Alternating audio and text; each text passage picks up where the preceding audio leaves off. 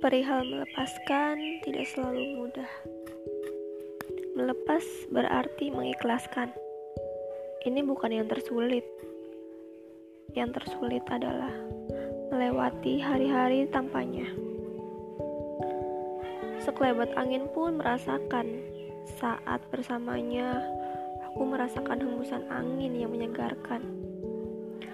Dan setelah tak bersamanya, Aku tidak merasakan hembusan apa-apa. Aku seperti tidak bernyawa. Hampa semuanya. Bangkit. Tenangkan. Aku mencoba membangun jiwaku sendiri. Walaupun pada kenyataannya sulit. Tapi aku percaya semua ini akan berlalu.